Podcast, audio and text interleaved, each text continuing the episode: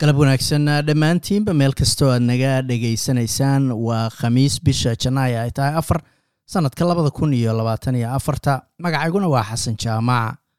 Wararka maantana waxaa ugu waaweyn australia oo baaq wadajira australia oo wax ka saxiixday baaq wadajira oo lagu doonayo in si deg dega loo soo afjaro weerarada ka dhacaya badda cas.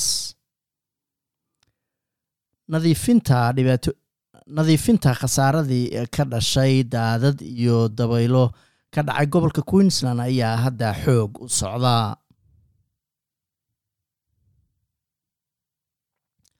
Dowladda australia ayaa wax ka dowladda australia ayaa wax ka saxiixday baaq wadajira oo lagu doonayo in si deg dega loo joojiyo weerarada ka dhacaya badda cas. Weeraradaas oo sababay qalqolad weeraradaas oo sababay qulqulad ku timid ganacsiga halkaasi mara. Sidoo kalena khatar gelisay nolosha dad aan waxba galabsan. Ku dhowaad shan iyo toban boqolkiiba ganacsiga adduunka ayaa mara ayaa la yidhi biyo mareenkaasi. Iyadoo doonyo iyo maraakiib lala xiriirinaya ama u socday israa'iil ay ahaayeen kuwa lagu beegsanayo weeraradii u dambeeyey oo ay fuliyeen kooxda xuutiyiintu ku dhowaad konton ka mid a ciidamada qalabka sida ayaa la filayaa inay yimaadaan koonfur bari gobolka queensland si ay u caawiyaan nadiifinta ama dadaalada nadiifinta ah kadib dabaylo iyo roobo ba'an oo ku dhuftay aaggaasi toddobaadkii la soo dhaafay.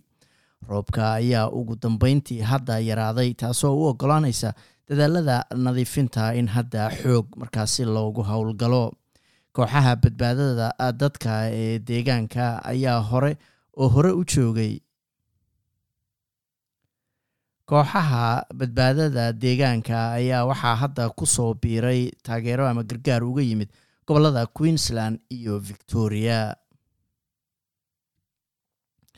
Afar qof ayaa hadda ka soo kobsan afar qof ayaa ka soo kabsanaya markii weriq ay ku dhacday blue mountainska iyadoo roobab iyo dabaylo ay aaggaasi mareen. Dabayaaqadii habeenkii habeenkii arbacada ahayd ambalasta new south wales ayaa sheegtay in shaqaalaheeda loogu yeeray meel dadka dalxiisayaasha ah oo ay buuraha ka daawadaan oo ku taalla magaalada katuumba ee galbeedka magaalada sydney saddexdii iyo shan iyo tobankii daqiiqo ee galabnimo. Kadib markay soo baxayeen warar ah in dadka qaarkood ay wiriqi ku dhacday madaxa guddiga arrimaha dibadda ee baarlamaanka ukraine ayaa sheegay in in isdhaafsiga maxaabiista ee dhex martay ukraine iyo ruushku ay tahay arrin aad u weyn. Alexander mereshow ayaa sheegay in tani ay la yaab ku noqotay ukraine oo aysan filayn isagoo intaas ku daray in hadda dad badani ay dabaaldegayaan. Sababtoo ah ayuu yidhi waa maxaabiis isdhaafsigii ugu weynaa wixii ka dambeeyey markii ruushku si buuxda uu duulaan ugu soo sameeyey dalka ukraine